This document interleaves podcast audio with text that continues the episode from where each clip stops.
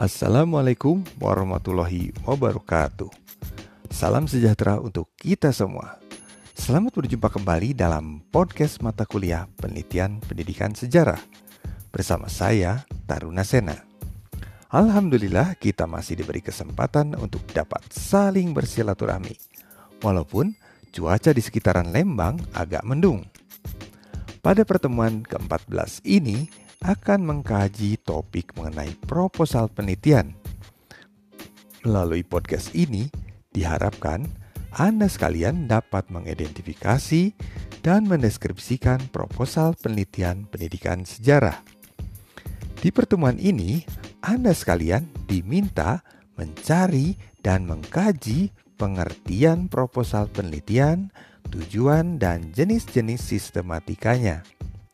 Lalu, Berdasarkan jenis penelitian kelompok Anda masing-masing, rancang dan kembangkanlah proposal penelitian yang paling sesuai. Gunakan sumber literatur yang dapat dipercaya. Tugas ini dibuat dalam bentuk Word untuk deskripsinya dan PowerPoint bersuara untuk presentasi. Serta dikumpulkan paling lambat pada tanggal 19 Desember 2020 pukul 13.